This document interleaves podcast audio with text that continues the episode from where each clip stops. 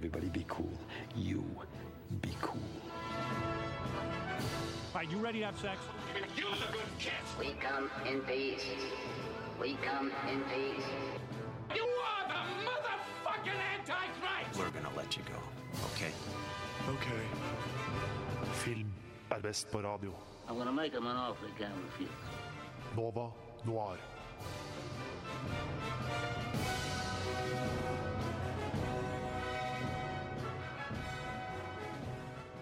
Velkommen, mine damer og herrer, til Radio Nova og Nova Noir, filmprogrammet som eh, tar deg med på en eventyrlig reise ut i den vide filmverden. Mitt navn er Tage Rivas Tollefsen. Eh, jeg skal være med, deg de neste to timene, men det kunne jeg ikke klart alene uten mine to faste kompanjonger, Ludvig Hei. og Christian. Hei. Hvordan går det, gutter? Er det bra, bra stemning? God stemning. God stemning. Uh, hva er det som er- skjer med det om dagen? Og det er fryktelig lite. Eh, Fryktelig lite. Jeg er egentlig fryst ned fram til sending. Ok, Så du legger deg på i dvale mellom hver Ja. Hvordan har du fått sett film da? Uh, Du har sånn hemmelig Ja. Netflix and chill cave? ja. Elektroder. Ok. Ja, det, det, det er litt det samme. Jeg går bare rundt hele uka og ja, holder meg litt for meg selv, ser litt filmer før jeg kommer hit, og det er det rett på. Rett på? Ja. det er nice. Uh, vi skal jo ha en ganske juicy sending, som jeg vil kalle det selv. Oh yes. Vi skal jo anmelde blant annet eh, den nye storfilmen Beauty and the Beast. Uh, Lone kommer inn seinere. Nei, Lone sier jeg. Tone, mener jeg. Tone, beklager. Tone. Og så får vi faktisk gjester i studio. Vi får skaperne av den nye s- eh, store dokumentaren, norske dokumentaren eh, 'Ishavsblod', de siste selfangerne. Som også er litt kontroversiell dokumentar. Ja, ja kanskje. Det Ja. blir eh, spennende å se. Eh, de kommer i hvert fall i den andre timen av denne sendingen. Og så skal vi også, siden det er 35-årsjubileum for Radionova i dag, så skal vi snakke litt om eh, filmer som har 35-årsjubileum i dag, senere i sendingen. Så det blir utrolig spennende. Men uh, nå skal vi høre en låt, og den heter uh, 'Lukka øynene' av Luli og Frida Amundsen. Luli med 'Lukka øynene'. Eh, du hører på Nova Noir. Mitt navn er Tage, og så har jeg selvfølgelig med meg Christian og Ludvig i studio. Og Christian, du er jo, dette er din første sending med oss her i Nova Noir. Eh, hvordan syns du det går? Nei, jeg- pop my cherry. Det gikk uh, ganske fint, syns jeg. Uh, Ja. Det hjalp at du Jeg syns det gikk superbra, jeg. Ja, ja. Du, du, eh, du hjalp meg på veien, så det Men uh, for at vi skal litt bli, bedre, bli litt bedre kjent med deg, hva er det som er, som er dine yndlingsfilmer? Hva er det som er din uh, Hva er det du heller mot? Ja. Det, det jeg føler, det er det jeg stiller spørsmål til folk. Det er sånn Definere hvem de er, hva slags filmer de liker. Det er akkurat det. Du skjønner liksom litt bedre hva slags person uh, du er, hvis du vet yndlingsfilmen hans. Min yndlingsfilm er vel Grand Budapest Hotel Oh shit. av Wes Anderson. Så Ja. Du er Wes Anderson-fanboy? Skikkelig Wes Anderson-fanboy. Det er jeg også. For Ja. jeg føler vi bondrer Det allerede. jeg Ja, òg. så vi- vi og, du også, Ludvig? Ja, ja. Å, fy! Men eh, min, eh, min favoritt av uh, Wes Anderson Jeg er liksom heldig med mot Rushmore. Da. Det er liksom min uh, personlige favoritt. Men jeg syns Grand Budapest også er dritbra.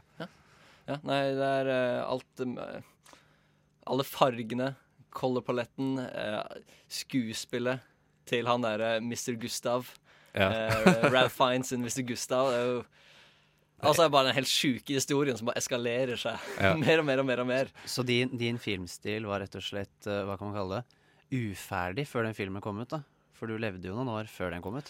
Uh, ja. og Hva var liksom favoritten før den?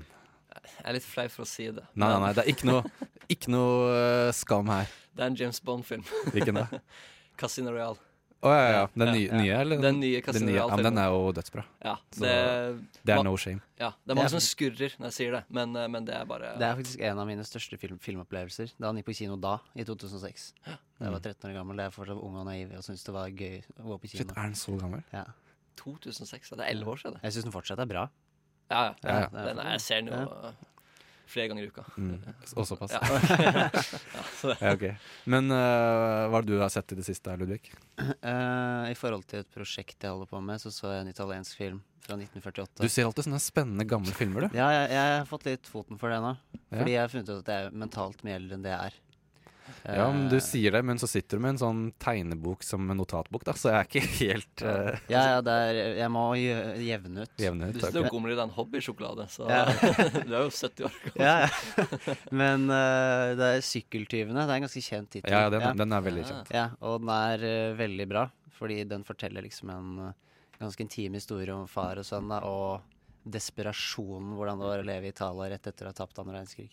Og, men den er såpass Den er rørende, men den er såpass liksom fæl å se på, for han har så mye uflaks at uh, du får så vondt. Ja. Også, men samtidig lærer vi hvor godt eh, Eller jeg lærer jeg hvor godt jeg har det, da. ja, ikke sant. Ja. Er den filmen Jeg vet ikke om jeg har sett den Will Smith-filmen uh, 'Pursuit of Happiness'? Har du sett den? Ja. Jeg føler at den er sånn, sånn moderne, moderne take på sykkeltyvene lite grann, kanskje. ja, du kan tre definitivt trekke tråder. Mm. De stjeler liksom i eh, Pursuit of, Happiness, da, men eh, det er litt samme tematikken. At ja, samme tematikken. sliter. Uh, jeg så i går faktisk uh, 'Man from Uncle'. Har dere sett den? Å, den er god. Nei. Jeg likte Den. Ja, den, den føler jeg fikk veldig mye sånn uh, Var veldig sånn dårlig rep når den kom ut. At den liksom ikke var noe spess. Men så jeg syns den var utrolig kul. Ja. Veldig undervurdert. Føltes litt ut som en James Bond-film. Ja, det er bare en sånn kul 60-talls Skikkelig, De får frem 60-tallet skikkelig bra. Mm. Og det er sånn, bare sånn slick, kul film. Ja, jeg fikk litt sånn der uh, Austin Powers-vibe uten Ja, at det var sånn goofy. Ja. Ga, gir Guy Ritchie fra seg de vanlige vibbene? Ja, men jeg syns det ikke var like sånn uh, raskt og crazy som man pleier å være. Men det var fortsatt Guy Ritchie, Ja. men uh, Han begynner å bli gammel, Treigere. Ja. Det var noen Guy Ritchie-øyeblikk der. Ja, det var, det var Som, def det definitivt det. Men, det er verdt å se film. Altså. ja, det er en veldig, veldig kul film. Verdt å se. Jeg ble faktisk mer gira på den derre Tomb Raider-filmen som Alicia Vikander skal spille. For jeg syns, jeg syns hun var veldig flink. Er det også han som regissør? Nei, Ah, men eh, hun, skal, Ja, okay. hun skal liksom være Jeg, hovedrollen. jeg ser for meg det. Det er kult. Uh, spennende. Um, etterpå så skal vi ta for oss uh, ukas filmnyheter, og så kommer Tone enda seinere i sendingen for å anmelde 20th Century Women. Uh, vi gleder oss, men først skal vi høre Tøyen Holding, Ivar Strå med Gelendevagen 1982. Tøyen Holding, Ivar Strå, Gelendewagen 1982. Og det er jo 35 år siden, akkurat sånn som eh, Radio Nova er. Så det er jo eh, Det er jo ikke tilfeldig, det. Uh, Gjennomtenkt. Gjennomtenkt. Eh, nå skal vi snakke om ukas eh, filmnyheter.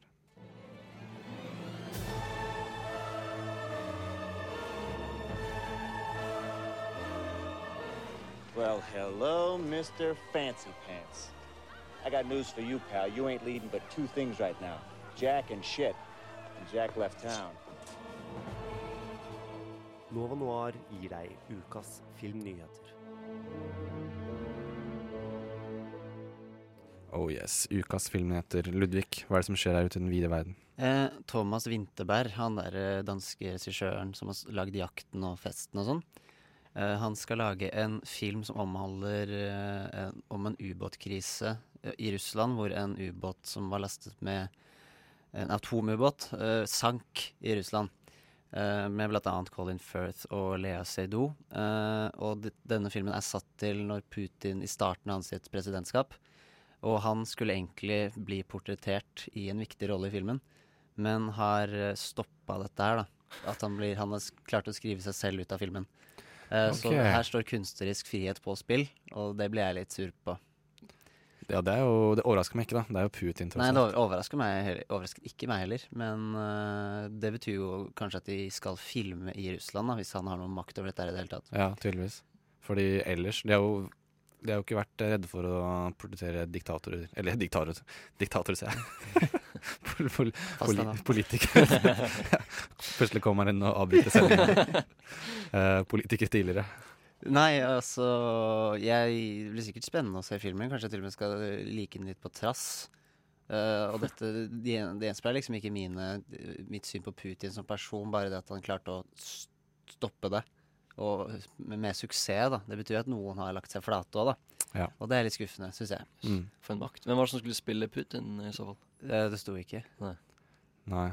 Mm. Nei, det er ganske synd, for det, det tror jeg hadde vært eh, ganske kult å se, egentlig. Ja, ganske karis eller karis karismatisk. Jo, han er for så vidt egentlig det. Han har aldri blitt portrettert før nei. eller siden. Eller Jeg begynner å tenke på skuespillerne som kunne portrettert ham. Ja, har du noen uh... oh, Bruce Willis. Han er ganske badass, da. Putin. Jeg kan se for meg Bruce Willis Med ri sånn på ri, bar, ri, Har du sett et bilde av hvordan han rir i bar overkropp på en hest? Ja, ja. I sånn Ja, militærbukser? det kunne jeg sett Bruce Willis Ja. i. ja, Bruce han sklir rett inn i den Bruceren hadde funka som uh, ah, det. Ja, ja, Oscar til Bruce Willis. ja. Portrett Putin. Ja. Og da, det, hadde vært, det hadde blitt beef, tror jeg. Nå blir ikke det noe av, da. Nei. På grunn av Putin selv. Det er greit, det. Nå har vi konkludert med at Bruce Willis får ikke noen Oscar nå allikevel. da. Synd. Uh, ja. Um, Christian, hva annet er det som skjer der ute? Ja, eh, ikke filmnyhet, men eh, TV-serienyhet. Uh, Game of Thrones uh, skal jo komme sesong syv. eh, og de skulle da avsløre datoen, premieredatoen på den nye sesongen eh, i et lite PR-stunt de hadde på Facebook nylig. Og det PR-stuntet gikk ikke så veldig bra. Det gikk ikke så veldig bra, nei. Nei, fordi de skulle da live, De livestreama foran alle fansene sine eh, en svær isblokk. Og så hadde de da flammekastere på denne svære isblokken, som da skulle smelte isen. Og når isen var smelta, så skulle da eh, en dato dukke fram, da. Eh, og jo flere fans som så på Facebook, som kommenterte 'fire', jo flere flammekastere gønna de på. Fire, de, fire! Ja, ja, fire! Tusenvis av fans bare tok 'fire', mer mer. Men den smelta ikke. Shit. Det tok lengre tid enn de trodde å skulle smelte en isblokk, tydeligvis. Så etter mange timer så bare måtte de avslutte livestreamen. Og så visste ikke folk hva de skulle gjøre, så de satte opp livestreamen igjen. Og da fortsatte de. Bare fortsette å skrive 'fire, fire'. Folk gjorde det. Men de klarte ikke å smelte denne isblokken. Så til, til slutt, etter at fans har venta i mange mange timer, så måtte de bare skrive på Twitter 16. juli. Begynner sesong 7. Ok, vi har en teori nå. Er det her frampek på at uh, The White Walkers kommer til å vinne krigen, liksom? Det hele De klarer ikke å Dragen har ikke sjans til å slå ut White Walkers. Ikke sant? Det er frampek. Shit. Jeg caller det nå. Kjempe-PR-stunt. Men så du bildene eller videoen? Ja, så videoen. Ja. Eh, Så jeg, jeg, jeg satt ikke der mange timer. Jeg satt ikke sikkert sju sekunder. For, jeg for det var en stor isblokk. Den var svær, ja. ja, den var svær. Men hvor lang tid tok det før eh, nederlag? Nei, jeg tror de holdt på i iallfall seks timer, tror jeg. Før, før de bare måtte Oi. kutte ut livestreamen og skrive det selv. Feilet PR-stunt og miljøvennlig. Ja. Det ja, Godt jobba. Og så blir også folk litt forbanna i og med at det er 16. juli. Ja, det er jo litt seint, da. Ja, For det kommer først i april. Men, det er litt, det er litt snakks. Det sa de i fjor, gjorde de ikke det? Ja, men jeg tror, jeg tror folk trodde at det kommer rundt i juni. Og så Ja. kommer det i juli isteden. Å nei. Men det, det, jeg syns det er helt greit, for jeg vil ikke at eh, de skal stresse serien. Nå Jeg vil blir, mange, nå blir det mange som sitter inne i sommer. Mm. ja, ja, men det er det sikkert uansett. Og, eh, Game of Thrones-fans er ikke de som er på stranda, liksom. ja, og for de, som, for de som ikke vet det, jeg, jeg tror det skal være åtte episoder. eh, Ja, kontra- de, de satser på kortere sesonger nå. Ja. Og, og sesong åtte, som er den siste, skal da ha seks episoder. Mm. Så det Så- Ja, heller kvalitet over kvantitet, Ja. hvis de Ja. følger det. Altså, jeg har lest uh, Jeg er en fan av bøkene. Jeg syns liksom serien er god, men jeg synes det er mye filler-samtaler i de scenene. Altså, jeg, det er mye sånne teite, sånne dårlige samtaler. Det er mye ting jeg ikke husker i det Ja, hele tatt. og sånne, når du sier sånn her Å, Game of Thrones er så dødsbra, så sier jeg sånn OK, hva er det du husker fra forrige sesong? Så er det sånn ett eller to øyeblikk. Det er ikke noe sånn eh, Det er ikke sånn som The Wire, hvor jeg bare sitter og har lættis hele veien pga. sånn eh, smart dialog i, hele tiden i hver episode. Jeg føler at The Wire er sånn quote, quotes upon, upon quotes upon quotes. Er Ja. Sånn, Jeg er enig med deg. The Wire. Ja. Men det er ikke alltid jeg har lættis, det skal jeg ikke si. Men uh... nei, men det, det er mye morsomt. Men Ja, det er eh, det. det er det. Er ikke sånn at man ler av Game of Thrones heller. Så. Nei, men det er, jeg føler ikke det er så mye sånn uh, memorable uh, Nei, ikke sant. bortsett fra de virkelige store øyeblikkene. Eh, jeg har en nyhet også, og den er en eh, for noen en skrekknyhet. For meg så er det litt sånn blanda magefølelse. Nå er det jo eh, Hollywood Reporter skrev at eh, The Matrix kanskje får en reboot. Hva, hva tenker vi om dette her, folkens? jeg er litt eh, Jeg er litt sånn på gjerdet. På gjerdet? Ja. On the fence? Altså, jeg er ikke så fan av spesielt den første Matrix-filmen, som veldig mange rundt meg er, føler jeg. Du er ikke fan av den første? Jo jo, men ikke så mye okay, som greit. folk rundt meg er. Ja. Eh, så jeg, eh, jeg lar meg ikke påvirke så veldig mye av dette her. Okay. ok. Jeg, jeg kaster meg på Ludvig-toget. Jeg er ikke så Dere er ikke så fan, Jeg er ikke så fan av så Matrix. fan av The Matrix?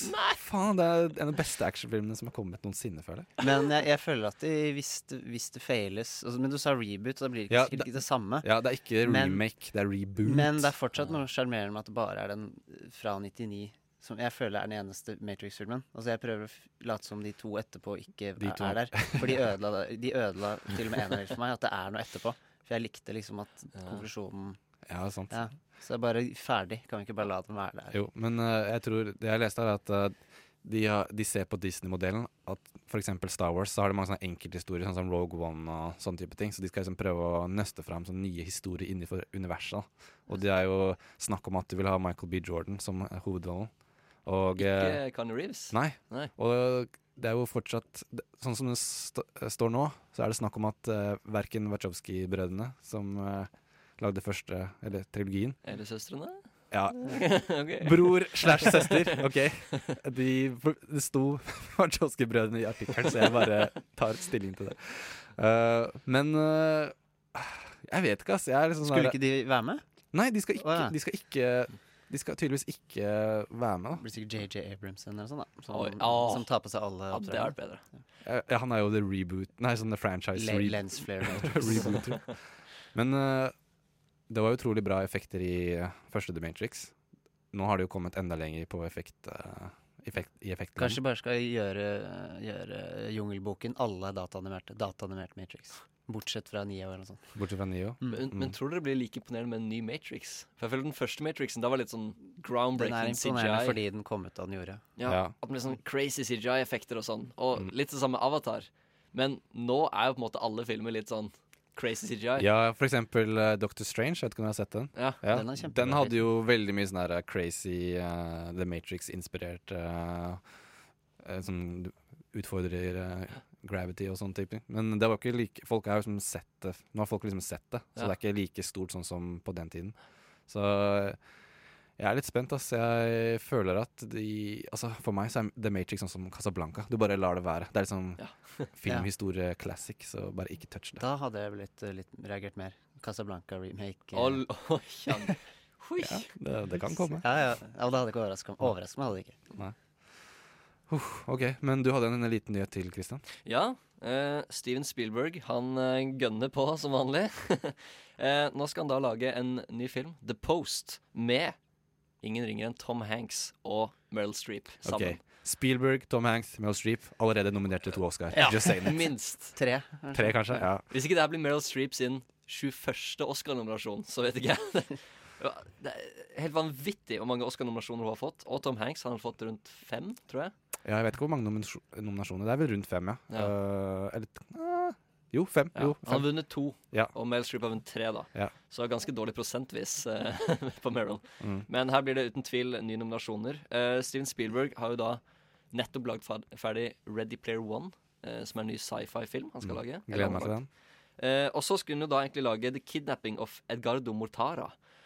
Etter det skulle han lage Jennifer Lawrence-filmen It's What I Do. Og så skulle han lage en 50 John Johns-film. Men nå pusher han alle disse prosjektene til side for å lage en superrask produksjon av The Post. Som da skal omhandle litt ehm, ehm, The Washington Post og litt sånn aviser som, som fikk fram uh, litt av hva Pentagon gjorde under Vietnamkrigen. Det er Ja, slikt. dette her er Oscar-film. Ja, det er, det er, Dette, dette sånn er eh, Oscar-bait-film. Her stinker det Academy Award. Ja. journalister som var kritiske til militæret da, Ja, under ok. Vietnamkrigen. Så. Ja, det blir spennende å se. Jeg føler personlig at uh, Tom Hanks og Meryl Streep har, uh, de har sett sine storhetstider her. Men Ja, det har de, men- han var flink i Men de har ikke spilt sammen før. Det, er det, det var det nyhetene reagerte Mm. på. Eller hvem enn som skrev det. De må jo ha god kjemi. Jeg føler at ofte når det er sånn to s- sånne her, eh, superkjente Hollywood-stjerner, så bare går det er sånn skikkelig dårlig kjemi plutselig. Jeg vet ikke, Det kan gå begge veier. Det er kanskje et faresignal at de aldri har spilt uh, mot hverandre. Ja, kanskje. Det blir spennende å se. Men eh, det virker som de er ganske gira på film, da, siden Ja. han pusher vekk de andre Mm. som han hadde lina opp. Det blir spennende å se. Uh, vi skal nå høre en låt, og så etterpå så skal Tone anmelde 20th Century Women og Beauty and the Beast. Så bli sittende, ikke skru av radioen. Nå får dere Lekende lett av Nike. Lekende lett med låta Nike. Eh, nå har vi fått eh, Tone, ikke Lone, inn i studio. Vet ikke om du hørte at jeg sa feil i stad? Nei, det Nei. gjorde jeg ikke. Men det var bra jeg ikke hørte, for da hadde jeg blitt fornærma. Men jeg får bli for, litt fornærma nå i stedet. Ja, beklager det. Eh, nå skal vi faktisk eh, få høre at du anmelder den første eh, premieren som kommer denne uka her.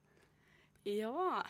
Eh, jeg så jo faktisk den her for ei og ei halv uke siden, mm. så den sitter ikke akkurat friskt i minnet. da, Så jeg måtte haste meg inn på Google i stad for å på en måte finne facts om Ja. den. da. Men vet du hva? Vi kan spille av litt, uh, oi, litt jingle og så litt trailer for å, for å sette stemningen. Gjør det. Ukens kinopremierer.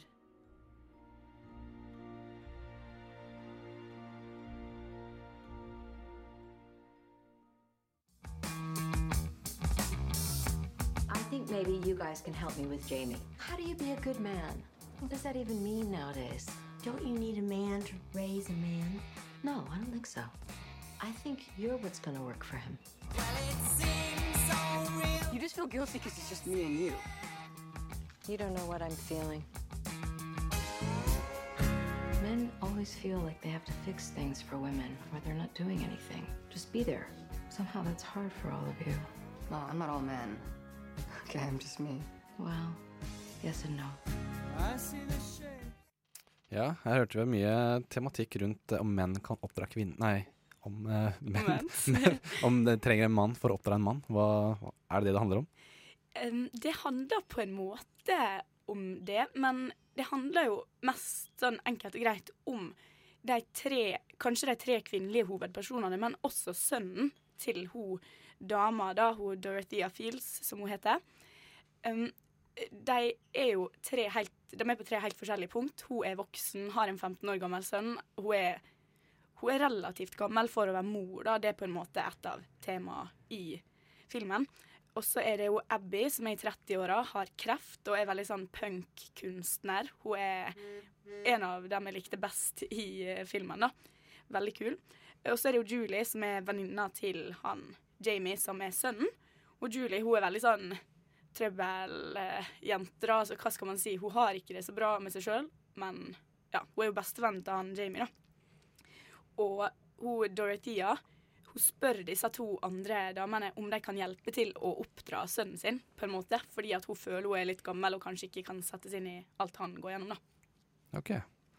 Men uh, hvor er faren? Faren, han er Å, herregud, nå husker jeg ikke om han døde, eller om han bare er borte Ja, vekk. han, han er ikke til stede, i hvert Nei, han er ikke til stede. Det er en mann som også bor i huset. da. Han er håndverker og hjelper til med å pusse opp. Han heter William, og det er litt rart med den rollen, da, fordi han får jo på en måte en greie med hun Abby, som er hun 30 år gamle, og hun Dorothea sjøl, på en måte litt utover, men det blir på en måte ikke helt ordna, da. Det blir bare litt rart. Eh, men han, William og Jamie har egentlig ingenting til felles, og det er derfor hun Dorothea gir litt opp at han skal oppdra Eller at han skal være mannsfiguren i oppveksten til Mm. Jamie. Og da tenker hun at det kanskje ikke er så farlig om det er en mann eller ikke. da. Ja. Hvor er det du føler styrken i filmen ligger? Mm, Det er veldig stilig at det ikke på en måte, Jeg føler ikke det er noe sånn plotline som er veldig streng. da. At det på en måte Det skal skje, og det skal skje, og det fører til en sånn Ei løsning, da. Det er på en måte bare masse plass for karakterene til å være karakterer, rett og slett. De er skikkelig menneskelige, og det er noe du ikke ser i så mange filmer, føler jeg. At karakterene bare har De er akkurat som eh, ja, som oss, da, på en måte. De, men de lever jo i den feministbølga på en måte på 70- og 80-tallet, før 90-tallet kom og fucka opp alt. så det er liksom Ja, de har veldig mye med seg, da, og derfor så syns jeg det blir veldig spennende å følge med på dem. Det er rett og slett bare, ikke, eller bare, det er rett og slett en menneskeskildring. Ja, det Ja. er litt det, altså, fordi den handler Altså, eh, filmen handler veldig mye om livet deres, altså hvordan de lever det, hva de liker, hva de gjør, og da blir på en måte alt viktig, da. Det er ingenting de gjør som blir irrelevant, siden filmen handler om det de gjør, hvis du ikke skjønner. Mm. Og det er litt interessant. Hvem er det av karakterene du likte best, da? Abby. Abby? Hvem er det som spilte henne? Har du, Eh, husker du? ja, det er jo Hvordan, uttaler man det? Greta Gerwig? Ja, Greta Gerwig, tror jeg. Ja. Ja. der har man det. Hun var jo bare Jeg syns hun var dritbra i den rollen, og jeg har jo nå i dag så googla jeg litt og fant ut at det er mange som syns hun på en måte spilte litt seg sjøl i den. Det vet ikke jeg så mye om, Mm. for jeg har, har så vidt sett henne før, på en måte. Ja, eh, jeg har sett henne i Frances Ha, og eh, hun har spilt i har også, Jeg har også hørt at hun spiller litt den samme karakteren i alle filmene sine. At hun er veldig sånn lik seg selv i alle filmene. Men, Ja. men eh, også hvis det er en bra karakter, så gjør det egentlig ikke noe at hun spiller en liten versjon av den samme fra film til film, føler jeg. Ja, enig. Hvis det er det som trengs, så. Man kan jo på en måte ikke Hvis hun er sånn, det er jo kanskje ikke det beste når du er skuespiller, at du er på en måte litt lik i alle roller. Men hvis du har roller der det er det som skal til, så er jo det flott, på en måte. I hvert fall i den rollen så fungerer det dritbra. Mm. Men uh, er, hva syns du Er det liksom en film alle burde løpe ut og se, eller er det sånn Kan vente til den øh, kommer på Netflix eller et eller annet sånt, eller er det verdt å bare løpe og se med en gang? Mm, det Altså, jeg syns den er veldig, veldig bra. Og Unnskyld. Um, jeg vil absolutt at Eller jeg syns dere burde se den. Men jeg vet ikke om det er så viktig å få den kinoopplevelsen, fordi Mm. at den er liksom ikke så Det er ikke så mye sånn svære, storslagne ting som skjer i den, da, sånn som er greit å ha på et gigantisk lerret. Det Ja. spiller kanskje ikke så stor rolle om du ser den med dataen på fanget, på en måte. Mm. Men nå, nå er jo det veldig i vinden, det med å snakke om uh, likestilling og sånne ting, Nå var det 8. mars eh, for ikke så lenge siden. Føler du at den her eh, Den tematikken med om kvinner, kvinn, kvinner som rollefigurer og hele det der eh, feminisme mot uh, det maskuline og sånne ting, at den her gir et godt lys på det tematikken? At det liksom Eller føler du at den uh, holder det litt tilbake, eller ikke har så mye sånn nytt og smart å si, eller Jeg syns det er veldig gøy, fordi at den snakker jo om ei anna tid, på en måte. Det er jo tidligere. Ja. Men det er litt gøy fordi at han, Jamie, han er jo bare 15 år, og han, eh, han er jo i denne tenåringsfasen hvor ting er veldig interessant, og jenter er veldig interessant og sånn, da. Og Abby gir han noen sånne hardcore feministbøker, og det er veldig gøy når han For han er liksom sånn Du tror kanskje at han kanskje skal se litt på disse bøkene, men han blir sånn oppslukt av dem, og han havna i slåsskamp om liksom clitoral stimulation. og når han skal fortelle mora si om det etterpå, så blir hun litt sånn Oi. Wow. Eh, ja. Eh, ikke sant? Og det er veldig gøy å se, da. Men altså han Ja, og det er jo veldig det med temaet med om en mann kan, Eller om det trengs en mann for å oppdra en mann. Og det er på en måte det de viser, at det trengs ikke så lenge man på en måte bare Mm. Jeg vet ikke, prater i lag. Ja. Jeg syns det virker som en veldig spennende film. Minner meg litt om uh, Altså Captain Fantastic var jo også mer sånn en uh, som handla om karakterene og familiedynamikken, mer enn selve plottet. Så høres ut som en veldig spennende film. Er det noen uh, karakter du vil gi den filmen her? Jeg tror faktisk jeg gir den åtte av ti. Altså. 8 av ti? Mm. Det, er, eh, det er juicy. Det var det jeg følte når jeg gikk ut av salen. da Så etter det så har jeg ikke tenkt så mye på det. Så jeg bare tror jeg holder meg til det som jeg tenkte den dagen. Jeg. Ja. Men eh, det høres veldig bra ut. Eh, Åtte av ti til eh, 20th Century Women, eller Moderne kvinner, som det heter på norsk. Eh, Den kommer ut i morgen, 17. mars. Eh, Nå skal vi få Luke Foss med Shurev Sinit, og så etterpå så skal vi anmelde Beauty and the Beast her på Nova Noir. Luke Foss, kjører Zenit. Uh. Eh, Nå skal vi anmelde Beauty and the Beast. Ukas kinopremierer. Ja Tone, holdt jeg på å si Lone igjen. Jeg vet ikke hvorfor. Vet du hva? Nå må du gi deg. Kom an. Kan ikke du bare få det som et kallenavn når vi to har sending sammen? Fuck off. Så kan du kalle meg Lage. Uh, OK, da, Lage. Ja, forresten, vi, vi tar det tilbake igjen.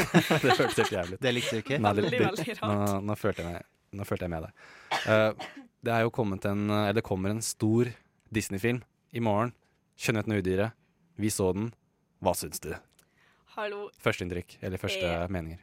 Elsker den, da. Men altså, nå har jeg sett tegnefilmen 50 ganger pluss i løpet av barndommen, og jeg har skikkelig nært forhold til den, så det kan jeg advare om at garantert har farga blikket mitt på den filmen. da. Men jeg syns den var helt fantastisk og bare storslagen. Ja. La oss høre litt trailer for å sette stemninga.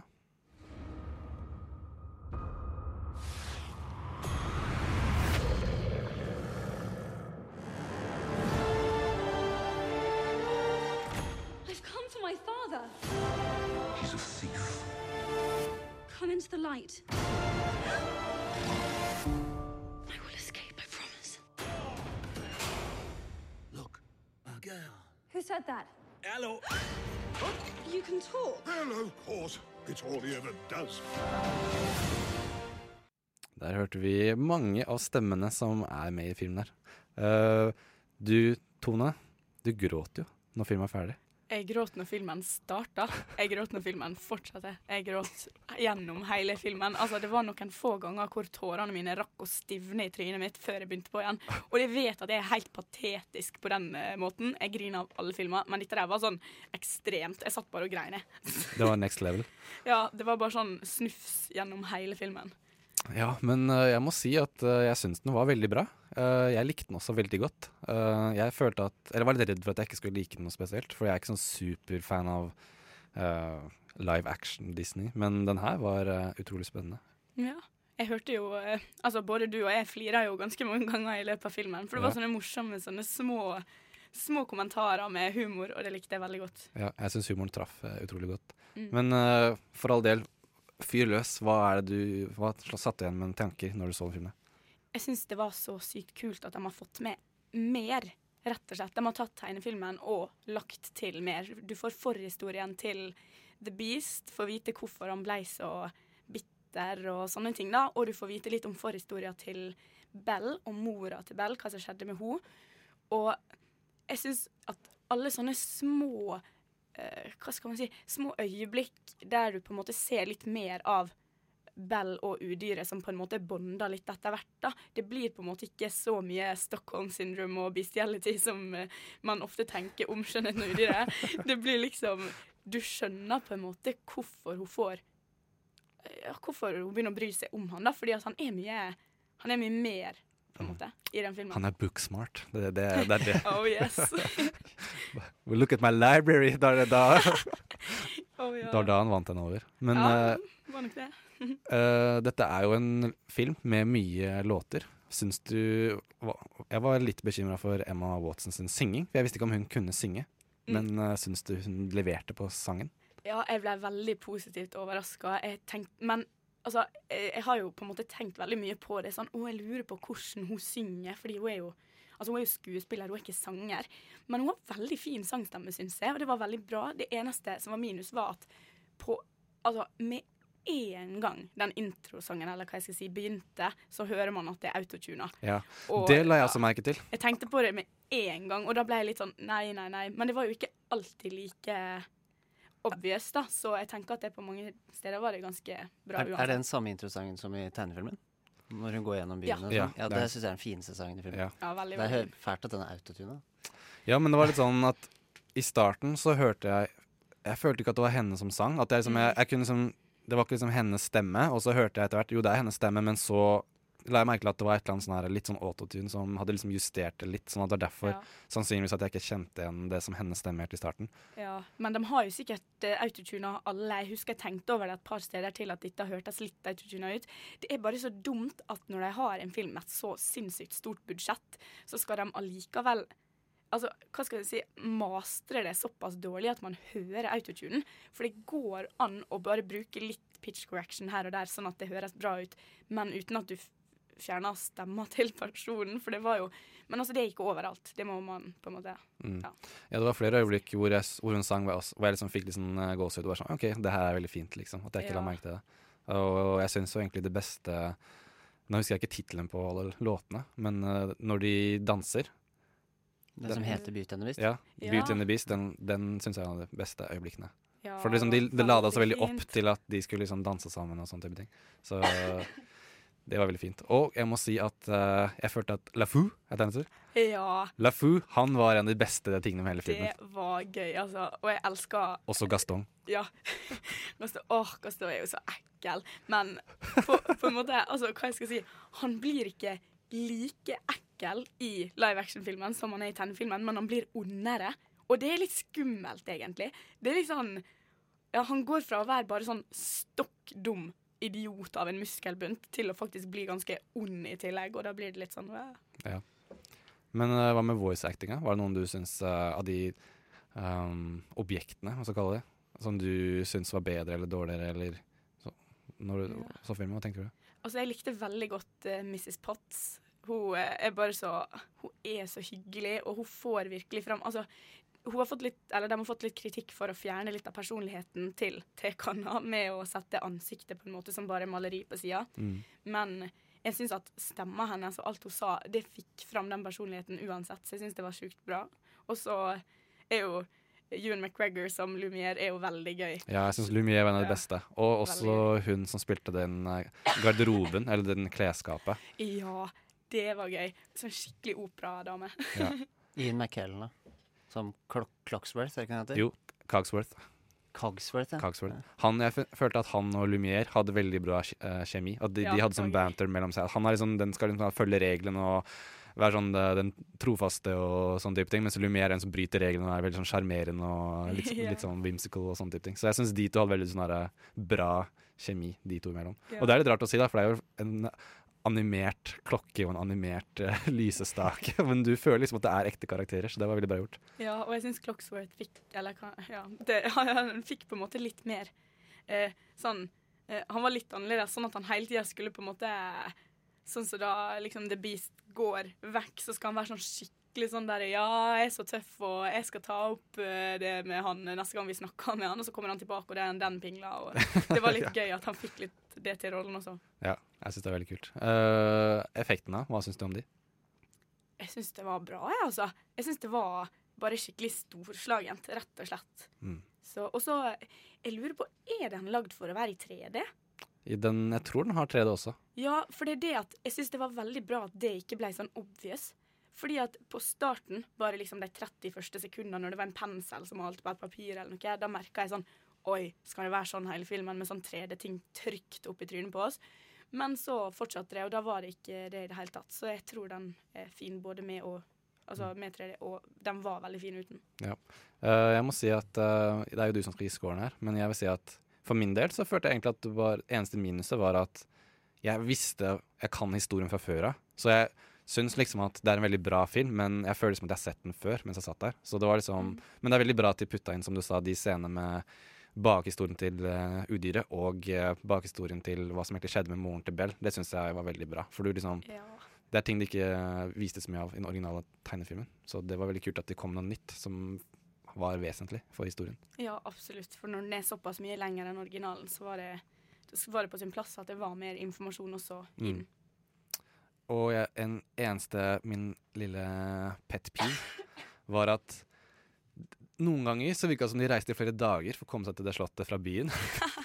Mens i andre scener så ser liksom Bell i det der magiske speilet at Å nei, faren min blir tatt av gårde inni, inni denne sånn bar. Og så, ja, og så rir hun, og så når hun kommer fram, så er de bare utafor huset. Så det er sånn der, hvor langt, hvor langt er det der? Altså, er den, det, det ga ikke mening for meg. Men det er bare sånn min i pet peeve. Sånn Den følelsen tror jeg jeg fikk av tegnefilmen også. Ja. Men kan ikke man bare si at det er fordi det er et magisk slott? Det magiske slottet det er akkurat der du trenger at det er på det øyeblikket.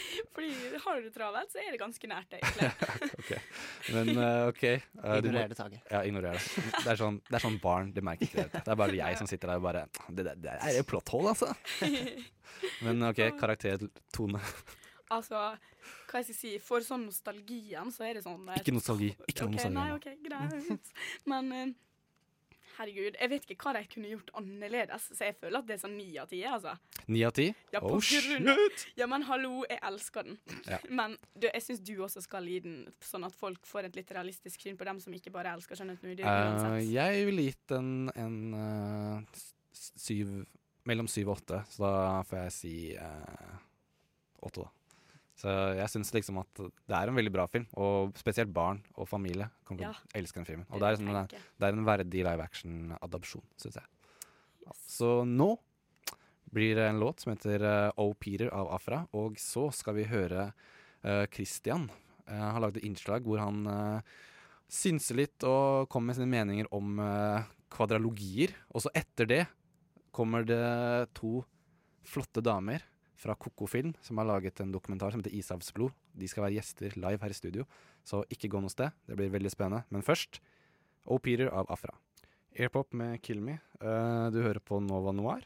Og nå har vi fått uh, celebert besøk. Vi har fått besøk av Gry Elisabeth Mortensen og Trude Berge Ottersen fra Koko-film. Eh, velkommen til dere.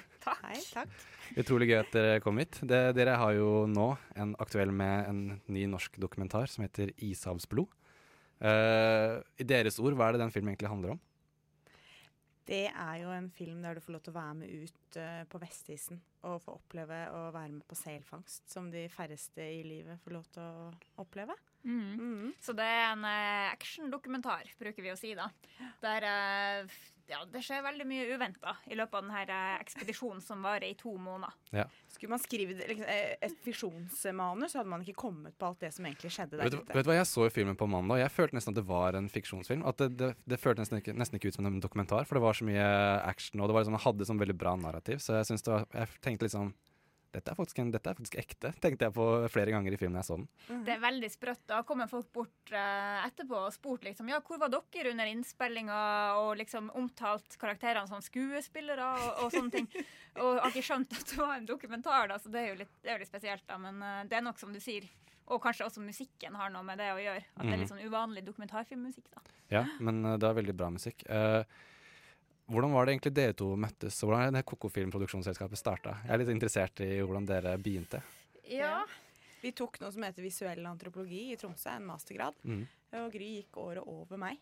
Og et par år etter vi var ferdig på studiet, så fant vi ut at vi hadde lyst til å utvikle våre egne filmideer. da. Ja, så da tenkte vi litt sånn eh, Det var jo noen andre flinke produsenter i, i Tromsø, men eh, vi hadde jo lyst til å kunne ta avgjørelsene kjapt og ta dem sjøl, ikke sant. Og det, det tror jeg har vært litt sånn eh, ja, veldig viktig i denne prosessen, at man skal kunne kaste seg rundt på dagen. Og, og det, også det med å fære to måneder på opptak i Vestervisen, det er ikke noe vi får betalt for, akkurat. Eh, så da er det viktig å liksom kunne gamble med våre egne tid og penger. Ja. Ja. Og eh, hvordan var det egentlig dere fikk høre om Eller hvordan fant dere den historien? Hvordan kom det til at dere ville lyst til å lage en film om dette her?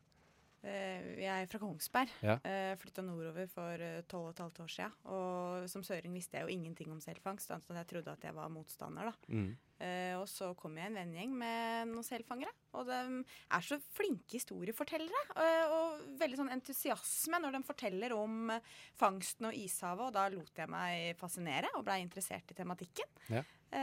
Og så skjønte jeg jo etter hvert at det henger igjen en sånn gammel myte at det er så barbarisk og, og fælt med selfangst. Men hvis du sammenligner det med annen kjøttproduksjon, så er det jo kanskje faktisk bedre. Mm. Mm. Ja, for noe av det jeg lurer mest på, er jo hvorfor. Eller Er det nysgjerrighet, kanskje? Hvorfor dere hadde lyst til å lage filmen? Ja, det var jo fordi at jeg trodde at jeg var motstander. Ja. Eh, og så var jeg vegetarianer i ti år.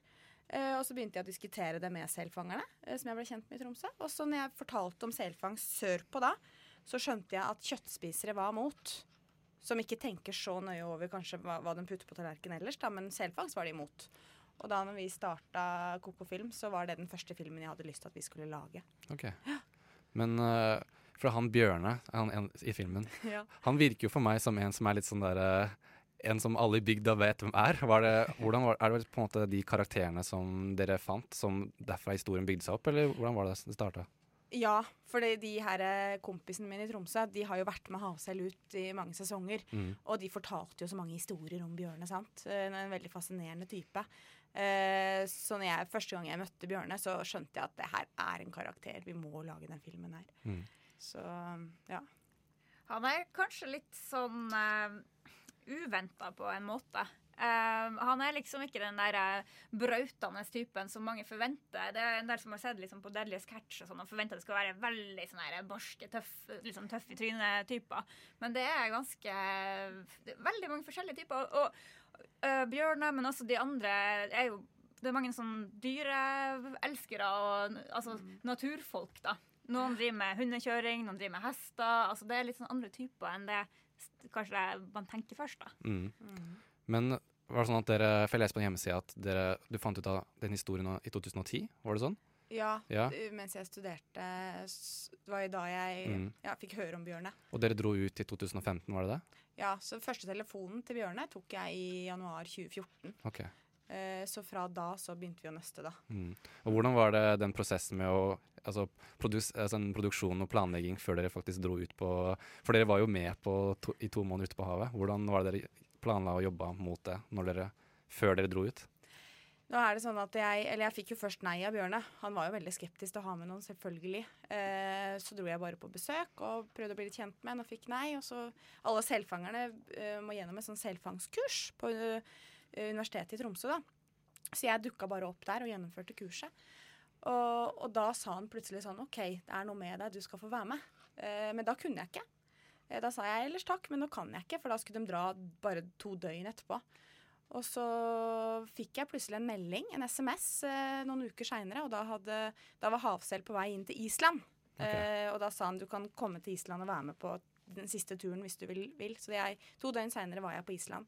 Så da var det en researchtur da, hvor jeg Mm. var aleine i tre uker om bord og, og filma. Og da fikk jeg på en måte planlagt hvordan vi skulle gjennomføre det når vi året etter dro ut to måneder. Så da visste vi jo litt hva vi gikk til. Ja. Men uh, hvordan var det egentlig å være med på den båten? Når dere var der i to måneder og filma? Altså, det var helt, uh, helt annerledes enn jeg hadde trodd. Uh, jeg hadde jo lest litt sånn Begynte å lese litt sånn ishavsbøker og sånt. Og Vestisen beskrives jo som den mest, altså den farligste plassen å fangste sel, for det er så mye spesielt vær og spesiell is der.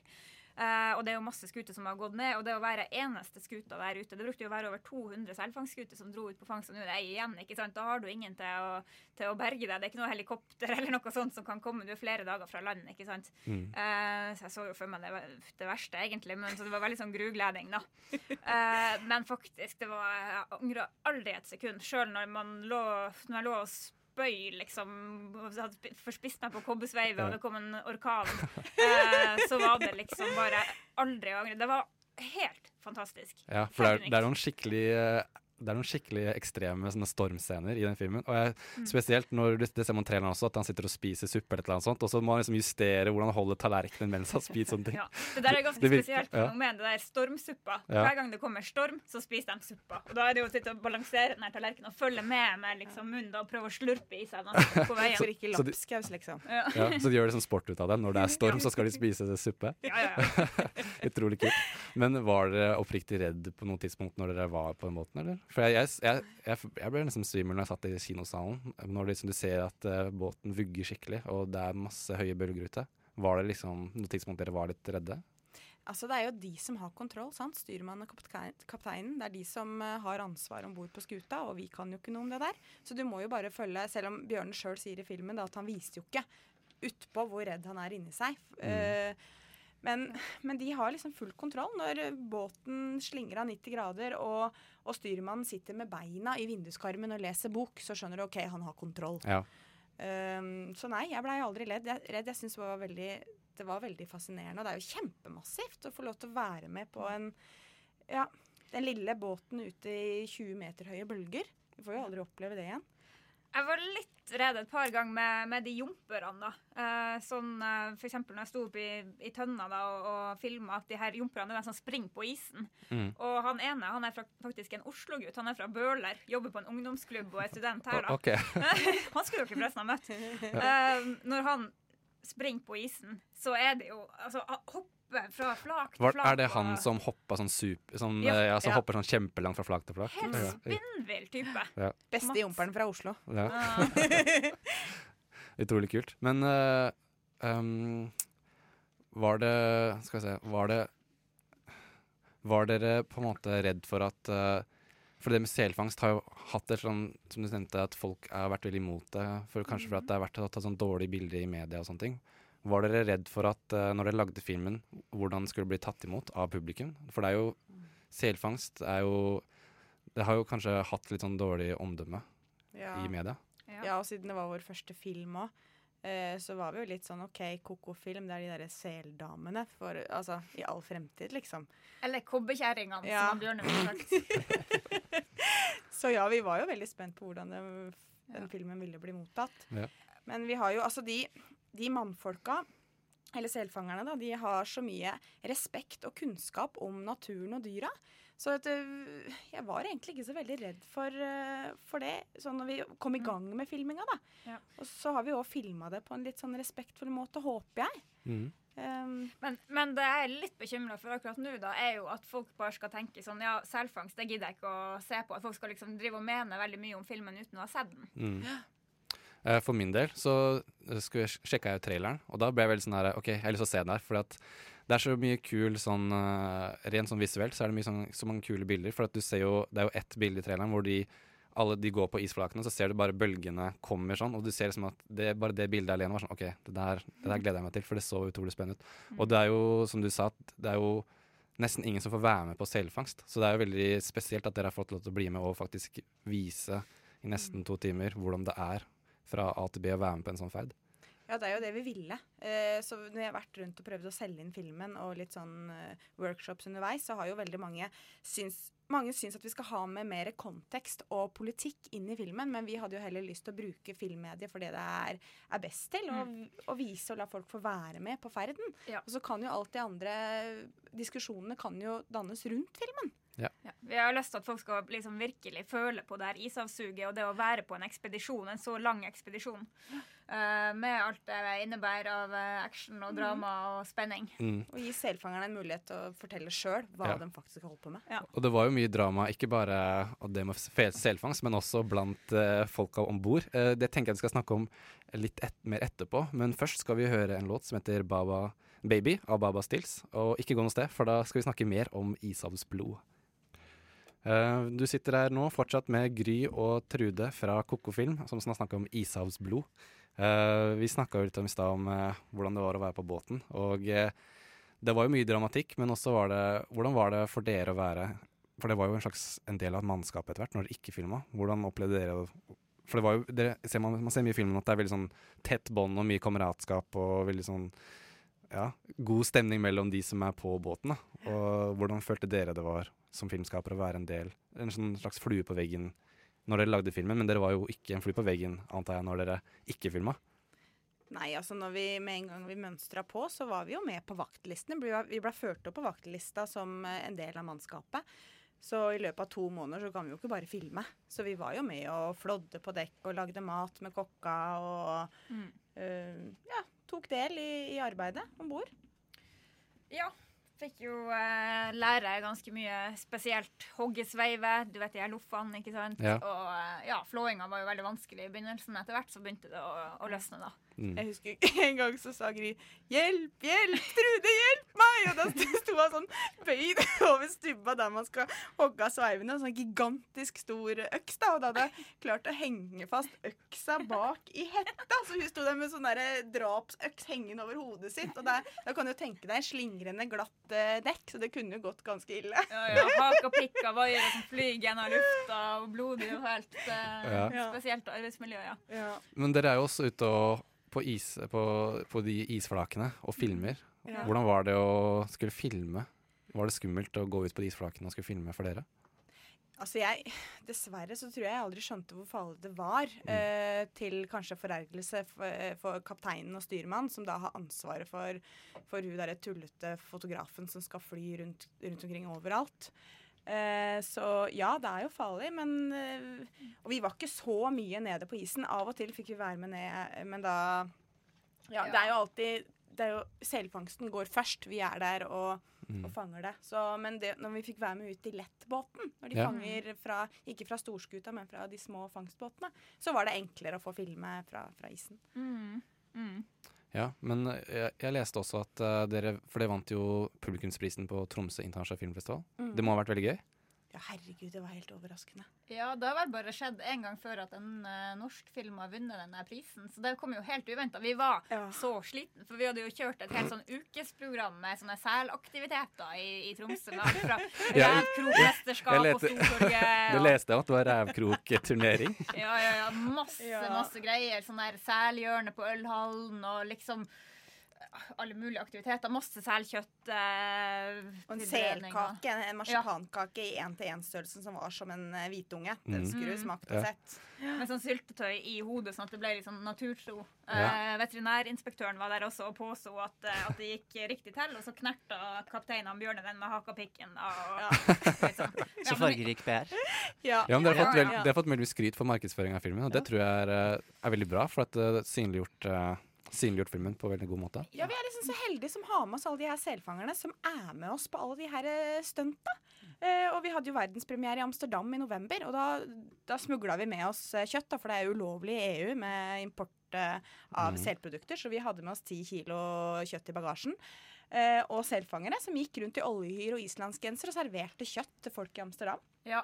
Gikk med sånne julenissesekker på, på ryggen og i oljehyre, ikke sant? Og, og delte det ut. da. Og, og folk var jo, Noen var skeptiske til å begynne med, men så er det jo bare å si de her få faktaopplysningene som folk ikke har fått med seg. At det er Mm. bare grønlandssel som fangstes. Så det er veldig mye av at det er Skudd i huet før hakapikken og Mm. ja. Ikke sant? Og da skifter jo folk litt sånn eh, mening, da. Ja.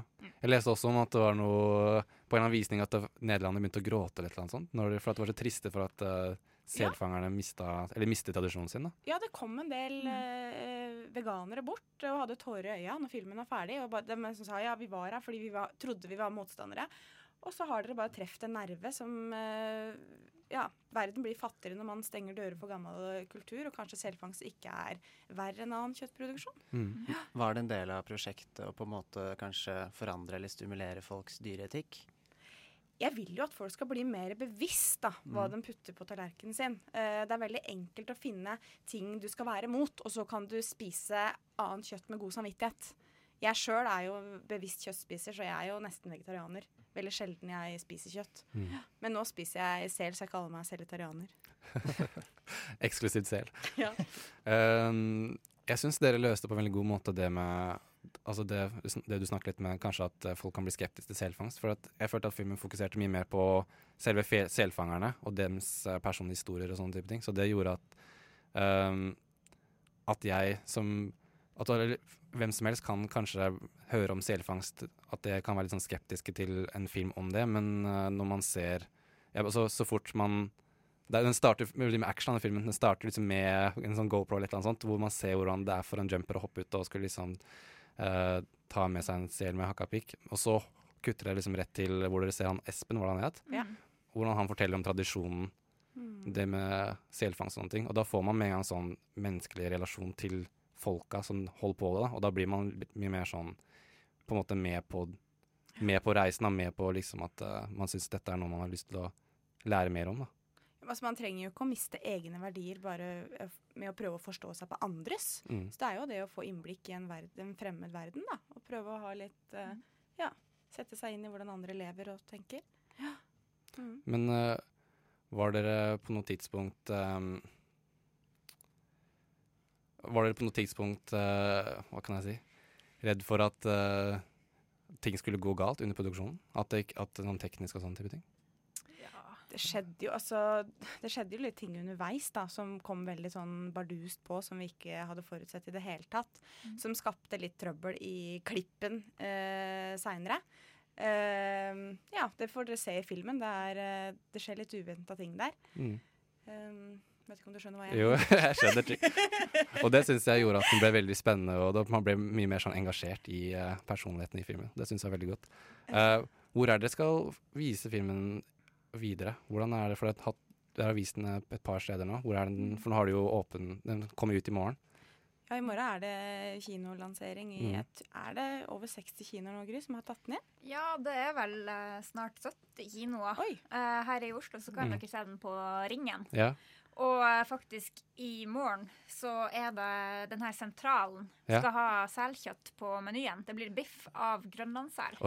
Så hvis noen eh, kjenner på kjøttsuget etter å ha sett filmen, da, Ja. eller før, eh, så er det bare å bestille bord der, da. Kult. Det tenkte jeg faktisk på i går natt. At det er sånn, oi, nå har jo, For at jeg leste at selfangst nå har jo, en Havsel har jo slutta å dra ut, eller noe sånt. Ja, så de dro Bjørne har siden 90-tallet sagt at det her er siste sesong. Ja. Men så er det jo nå, når ishavsuget setter seg, sant? så klarer han ikke å gi slipp. Så hver vår så blomstrer jo den på nytt, og da vil den dra ut igjen. Ja. Eh, så den var faktisk ute i 2016, Det var det. og nå har seks skuter meldt interesse. Men eh, neppe så mange kommer til å dra ut. Men vi, vi, vi veit ikke. Mm. Ja, det er jo ikke noe sånn lukrativt økonomisk sett, Nei. det her. Um, Men vi har jo dratt med oss kjøtt rundt. Vi har jo hatt førpremierer litt forskjellige steder, og da har vi hatt med oss uh, selbiff. Uh, og fått di diverse ki kinosjefer har jo ordna til de lekreste retter av sel. Ja, det har egentlig vært en sånn kulinarisk reise gjennom landet. Ja. uh, med selbuffeer og alle mulige slags påfunn. Eh, så Dere har ikke noe med dere nå, da? Jeg har alltid hatt lista. Har du ikke noe tørkekjøtt på innlomma, Gry? Ja, Vanligvis så har jeg en liten boks parat eh, når noen spør. Men nu, vi er akkurat på vei til Kongsberg, Ja, så vi har ok. liksom ja, ja. Ja, det er vel gøy å eh, smake det. For jeg tenkte på det at hvis de slutter helt med selfangst, så får man nesten aldri Da får man ikke smakt Nei. sel lenger. Så det er jo litt trist. Vi skal på det her er Salt. Har dere hørt om det kunstprosjektet? Eh, nei, det er Nei, ikke vis-à-vis operaen mot Vippetangen der. Mm. Eh, Der er det satt om sånne store fiskegjeller, og det er et lite naust og en gigantisk sauna. Mhm. Skikkelig stilig prosjekt. Eh, der skal vi på lørdag og ha kaisnakk eh, og fortelle om filmen og vise klipp. Mm. Og der håper vi jo at vi kan få til noe selkjøtt, da. Ja, der blir det, altså Hvis folk har lyst til å smake, så tar vi med oss kjøtt uansett hva. Ja.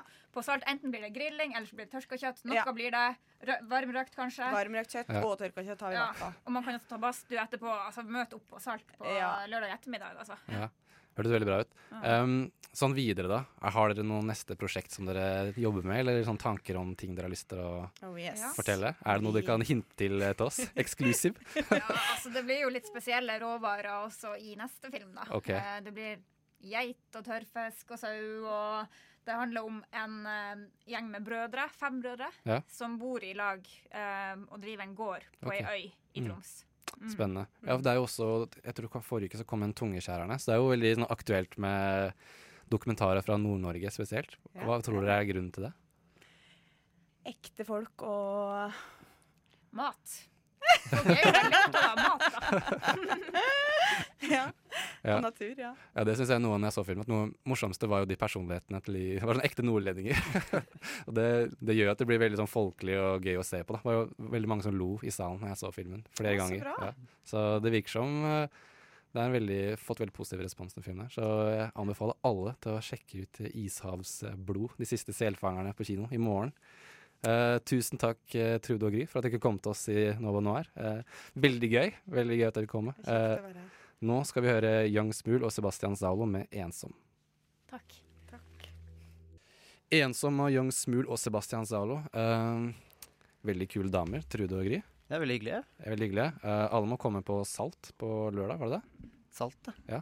Salt på uh, operaen der. Hørtes uh, veldig gøy mer, ut. mer promotering av Ja. filmen. Film, filmen så blir det kjøttsalg og badstue og hele pakka. Så velkommen tilbake i studio, Christian. Tusen takk. Nå har jeg venta lenge. men Venta lenge. takk skal du ha. Klør det i fingrene? Klør i Klør i, eh, Klør i munnen. klør i munnen. Uh, som nevnt tidligere i sendingen, så har det jo no, Nova Noir, holdt jeg på å si. Radio Nova. 35-årsjubileum i dag, faktisk. For 35 år siden så starta Nova. Og det er jo veldig Like kult. gammel som deg, det. Nei. det er nesten Kristian. Jeg tror lytterne nå. okay. Fem år unna. Men eh, jeg tenkte at det hadde vært gøy å snakke litt om hvilke filmer som har 35-årsjubileum i år. Og, det vil altså si at de kom ut i 1982. Og 1982, dere. Det var et gullår for filmen. For vi skal riktignok ikke snakke om filmer som kom ut i 1982 i, i dag. Nei, ikke i dag, det- men det- eh, det- det året, Ja. 1982. Det er ikke så mange filmer. Og det, det hadde vært gøy å sjekke ut det også nøyaktig, men eh, vi får se. Men uh, ja, skal vi begynne med deg, Ludvig. Hvilken film er det du vil trekke fram fra 1982 som du føler er sånn Den her filmen vil jeg snakke om. Ja, jeg gikk jo gjennom en uh, liste i går, uh, og den som skilte seg ut, er en ungdomsfilm som jeg elsker, og det er Fast Times at Ridgemont High. Vet du hva, den har jeg aldri sett. Har du ikke? Nei. okay. Det- har du? Nei. Hva er det den handler om? Det handler jo om Ja, hva handler det om, da? Det er high school-elever som uh, som eh, drikker og fester og går på skole. Mm. Og, så, og noe av det liker jeg, sånn såkalt hangout-film. Jeg mener at Dazed and Confused fra Ja, jeg tenkte 93 du skulle er, det. det er den aller beste. Det er min yndlingsfilm i verden. Men denne her kommer eh, også ganske close up, på en måte. Fordi det er noe med den sjangeren her jeg, som er så trygt. Og så er det sånn at du liksom henger sammen med de folka Mm. mens du ser på. Ja. Uh, og det, uh, det er kjempehyggelig. Og, men det er også pga. rollen til Sean Penn, hvor han brøt ut av, som heter Spicoli. Han danna liksom den moderne high school-stoneren eh, Ja. for alltid. Det er liksom alle prøver å eh, Alle prøver å etterligne ham i ettertid. Så den har liksom satt sine spor der, da. Mm. Er det litt sånn Breakfast Club-aktig film? Uh, den er ikke så analyserende av ungdom. Nei. Det er mye mer komedie. Mye Ja. mer lettbeint. Men, så det er mer en sånn komedieperle. Breakfast Club er vel Er det komedie i det hele tatt? Litt komedie, kanskje. Det har jo noen morsomme... Ja. Men der er komedie en annen pilot Nei, annen fiolin. Ja. Mens her er det definitivt lite drama. Mm. Det er sånn fast times. Det er jo veldig sånn Skal liksom være fort og ledig, lyst og ledig. Ja. Hva med deg, Kristian? Nei, eh, jeg gikk jo på samme liste som eh, Ludvig gjorde. Eh, Der var det mange gullkorn. eh, Blant annet Grease 2. eh, Fredag 13. Klassikeren Grease 2. Ja, gode gamle. Fredag 13. del 3. Men jeg måtte jo ende opp på Blade Runner. Blade Runner. Ja, eh, den er god. Som har eh, kom for en reboot eller oppfølger i år. Ja, det er Blade Runner 2049. Noe sånt. Tror jeg toeren heter. Skal jo også ha Harrison Ford i seg. Uh, blir ikke regissert av Ridley Scott, uh, men uh, han produserer. Uh, men iallfall Blade Runner uh, var Ja, alltid vært kanskje min favoritt-sci-fi uh, siden jeg var liten. Mm. Eh, det er sånn det er så Så du da du var liten? Ja. ja, pappa viste oss alle. De tunge, dystre.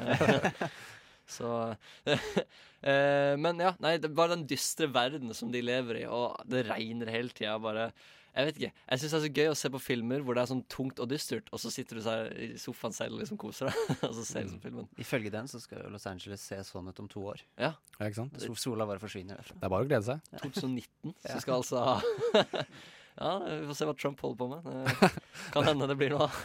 Det er aldri for sent. eh, Men eh, ja, jeg husker at jeg så første gang jeg så Blade Runner. Det var så mye sånn hype rundt sånn, Å, det er den klassiske Blade Runner, og det er sånn, er den beste filmen ever. Så var jeg sånn herre Jeg skjønner den ikke. Det var sånn herre This is too deep for me, man. Og så sånn, setter jeg så den sånn andre gang, så var jeg sånn OK, OK. Jeg begynner å Men det finnes jo mange versjoner av den. Det finnes jo sånn herre Directors cut og sånn theatrical cut og Det er jo fire slutter eller noe sånt Mm, i, i et eller annet lager. Ja, og jeg husker ikke hvilken versjon jeg så, så jeg er litt sånn usikker på om vi har sett samme Og så er det veldig dumt å sitte og diskutere den Ja. på lufta, tror jeg. Ja, vi sier ikke sluttene, men uh, det er jo som sagt aktuell siden det kommer oppfølger i år, så det er jo kanskje for de som ikke har sett Blade Runner, så er vel, uh, nå passer det seg veldig godt å se den snart. Mm. Eh, jeg vil gjerne trekke fram en av mine yndlingsfilmer, som heter The Thing, fra 1982. Yes, da. Ja. Eh, holdt på å si Kubrick, det er ikke Kubrick. Det er en god uh, John Carpenter-film. Uh, en av hans beste, syns jeg. Og den handler jo om uh, Kurt Russell sin karakter som, og en del andre forskere som er ute på Er det på Nordpolen eller et, eller annet? Sør- eller Nordpolen. Ja, Sør- eller. Nordpolen. Og så er det en, en hund. Det starter med en hund som blir skutt på. En sånn mystisk hund. Så kommer det en nordmann. Og så kommer det en såkalt nordmann som snakker Det er ikke en hund! Det er et monster! Det er en ting! Flytt, flytt dere, idioter! Ja. og det er, det er en, en av de beste skrekkfilmene og thrillerne. Og det er liksom de praktiske effektene og makeupen i den filmen. Det er bare Det, det, er, det holder så utrolig godt. Det er den beste sånne creature feature jeg har sett, og den er så utrolig intens. Og skuespillet Åh, det er den beste filmen. Det er en yndlingsfilm, altså. Ja, i, i den sjangeren så tror jeg kanskje det er den beste for meg. Mm. For jeg hadde så også, Jeg er litt sånn halvbiased til nå, for jeg husker jeg så den sammen med noen kompiser. Og jeg husker bare den kvelden sånn veldig hyggelig. Ja. Sånn, så da, det, i The Thing for meg er liksom mer enn bare en film. Det var en opplevelse. Ja, men det er en veldig sånn derre Det er en sånn utrolig sånn derre god opplevelse. Sånn, når du ser den filmen, så er det sånn derre Du klarer ikke å se vekk. Og det er sånn stemningen med musikken og eh, liksom Jeg vil si at til og med hunden leverer en god rolle, liksom. Det, er bare en, det bare er et eller annet mystisk med den bikkja i starten av filmen. Men er det en film du må liksom se med venner? Jeg har aldri, aldri sett den. Har du aldri sett den? Nei, aldri sett den. Altså, du kan godt nyte den alene. Jeg syns den er sånn å, det er ikke, Den er ikke så skummel at du liksom uh, Jeg syns får, mareritt, jeg liksom. syns ikke den er så skummel. Den er mer, hvis noe, så er den vel mer ekkel. Det er mer monsterfilm enn det er skrekkfilm. Er det Nifs? Ja, det, er- er mer så, det er mer sånn praktisk slimete Ja, okay, sånn- litt sånn, sånn, ja. ja. Men den har også veldig Det som er så bra med den, er at uh, det monsteret er liksom sånn at den kan liksom imitere hva som helst. Ja. Du føler at den, hele, hele liksom thrillen i filmen er at den Det kan være liksom Du veit ikke hvem som er the good guy, eller hvem som er Veldig monsteret. uforutsigbar. Ja, For, jeg- veldig jeg har sett uforutsigbar. eh, Det er litt flaut å si, men jeg har jo sett uh, remaken fra 2011. Du har sett den? Ja, den har jeg sett. Okay. men ikke den gamle. okay. Og i den nye så er jo faktisk nordmenn med. Ja, ja, ja. Jo- Stig Henrik Hoff og mm. Og Espen eh, ja. Espen something. ja, Espen something. eh, Varg Veum. Ja. Og der snakker de jo norsk, det er litt kult. da Ja. De sitter og bare oh, OK. ja, jeg har ikke sett remaken, men absolutt se oppfølgeren. Eller oppfølgeren, se originalen. Den er, den er en utrolig god film. Uh, vi kan jo gi deg én til, Ludvig, før vi Altså, går til låt. Ja, nå håper jeg alle har sett den. Dårlig forberedt på starten, men ET, da. Det er kanskje verdt å nevne. Åh. Vet du hva da? Har du ikke sett den? Jeg kan ikke huske om jeg har sett den eller ikke. Jeg, hvis jeg har sett den, så må jeg ha vært sånn fem eller fire år. For jeg har bare sånne her, vage minner fra sånne enkeltscener. Og det er sånn her, Jeg vet ikke om jeg har sett det på YouTube, eller om jeg liksom bare så den da jeg var bitte, bitte, bitte, bitte liten. Sist gang jeg så den, så var jeg i tenårene, så det er lenge siden for min del òg. Ja. Du har sett den? Å, jeg har sett Ja. den. Det var den første filmen jeg så på kino. Uh, Seriøst? ja, ja. Det var, eh, fordi de eh, Ikke at jeg er så gammel, men fordi de, Ja, så var du født i 1980. Ja, de releasa den. Uh, remastera. Eh, Ja. Helten sa litt annerledes. Det er en liten fun fact om ET. Det er en scene hvor de jakter på ET, på sykkelscenen, hvor de Mm. fyrer opp i lufta. Yeah. Og da holder noen politimenn noe våpen i hånda. Og så sier de ja, stopp. Ah, Klippa bort, da? Nei, de remastera. De, de klippa de ut med CGI, og så klippa de inn walkietalkies istedenfor. Mm. så ser det ut som de holder walkietalkies istedenfor. Ja, og det, er veldig morsom South Park-episode hvor uh, de skal se jeg tror sånn Indiana Jones eller sånn på kino. Og så har de liksom, byt, har de sånn bytta ut mye sånne scener, og sånn, så er det sånn herre Steven Spielberg and George uh, Lucas, stop ruining our childhoods. Det har også skjedd de siste 35 årene. Ja. Eh, by- Bytte ut av eh, våpen. remastering. Barnslig remastering. Ja, det, vi vil ha det gode, gamle våpen i oss, det. Godt og Eh, grovt. Ja. Eh, vi skal snakke mer om 35 år gamle filmer etter låt, men først skal vi høre Group Home med Living Proof. Group Home, Living Proof, det hører på Nova Noir her på Radio Nova. Og vi driver og feirer 35-årsjubileet til eh, Radio Nova. Og det feirer vi med å snakke om filmer som kom ut for 35 år siden. Enkelt og greit. Hei. Hei. Christian, hva er en film som kom for 35 år siden som du digger? Uh, Rambo. First Rambo, Blood. First Blood. They threw first blood. Jeg liker å reenacte filmer som jeg har sett. Ja, det, fortsett med det. Har dere sett eh, Rambo? Ja. Jeg så den jeg var i mine tidlige tenår, og jeg husker bare sånn Ja, Rambo! Den er kult! Men det er faktisk en veldig bra film. Det er ikke eh, Rambo 2, da ble det litt mer sånn action, uh, brain dead, Uh, mens Ja. eneren er en veldig sånn stille, rolig, bra film. Jeg har faktisk bare sett den første og den siste. Ja. Den siste kommer i 2008 eller noe. Eh, ganske tøff, men, eh, men lite som overgår Rambo. Eh, han er jo er jo tidenes actionhelt. Mm. Og det jeg sånn. husker i den første, at de klarer å gjøre det til en actionfilm, men i den første så er det ikke så mange som stryker med. Nei. Det er mer tension. Mm, det er veldig mye tension, for at de liksom Ja. jakter på han i skogen. Jeg husker. Altså, det er mye skyting og jakt ja. og sånn, men det er ikke sånn at det er massakre og sånn. Nei. Og det, det begynte du jo med etterpå. Mm, det likte jeg veldig godt. Det, det er lenge siden jeg har sett den nå, men I og med at jeg skal snakke om den, men det er en han har flammegranatpiler. er det ikke det? Det er da han er ute i skauen med de pilene. Ja. Ja, for, det, for det, jeg husker bare jeg så da jeg var liten, så så jeg at han, han skøyt granatpiler på liksom fienden. Tenkte jeg det der Ja, det er det kuleste jeg har sett. Du, kan ikke- du kan ikke toppe det der. ja, det var, det var veldig komisk. Jeg, jeg husker faktisk ikke selv om det var første eller andre film hvor han gjorde det. Men uh, Rambo Okka som. God Veldig, film. God veldig film. god film. Uh, jeg vil gjerne snakke om, uh, siden jeg er sånn uh, skrekkgutten, Mm. så vil jeg snakke om uh, en film som kom 1982 som heter Poltergeist. Det er den andre klassikeren, ja. For, forhold til The Thing, som vi prata om i stad. Ja, Fra det året. Poltergeist. Jeg vil si at uh, de fleste nye skrekkfilmer som er sånn Hvor det handler om et sånn hjemsøkt hus og Det er veldig mange sånne skrekkfilmtroper som kommer fra Poltergeist. Sånn er at å, en eller annen kid begynner å oppføre seg rart, og at de, det er ofte barnet som opp, som på en måte er bytte for det overnaturlige og sånne type ting. Og det handler jo om en familie som flytter inn uh, i et hus som viser seg å være hjemsøket fordi det er bygd oppå sånn herre Indian barrel sånn- Klassiske barrel ground. og uh, det er veldig mye sånn uh, Ja, utrolig mye sånn ku... Sånn, jeg vil si at effektene er litt sånn De er utdaterte, men den derre tension og det derre De må liksom tilkalle en uh, spesialist og liksom hente en jente fra en annen dimensjon og alt mulig sånt. Det er, det er en utrolig kul film. Og jeg, det, jeg mener nå Det er også sånn sånn filmrykte om at Steven Spielberg var bare en produsent, eller noe sånt, men han har liksom egentlig regissert han mange av nesten hele filmen. Bare han har liksom ikke kreditert for å ha gjort det. da Så det syns jeg er liksom spennende med den filmen. Han både ET og Poltergeist da, i 1982. Ja. Mm. Han jobba vel mer med ET, kanskje, da. Ja. Så, Som regissør. Mm, så- han, han har finger med mye spill, ass. 82 var et godt år for han uh, Spielberg, altså.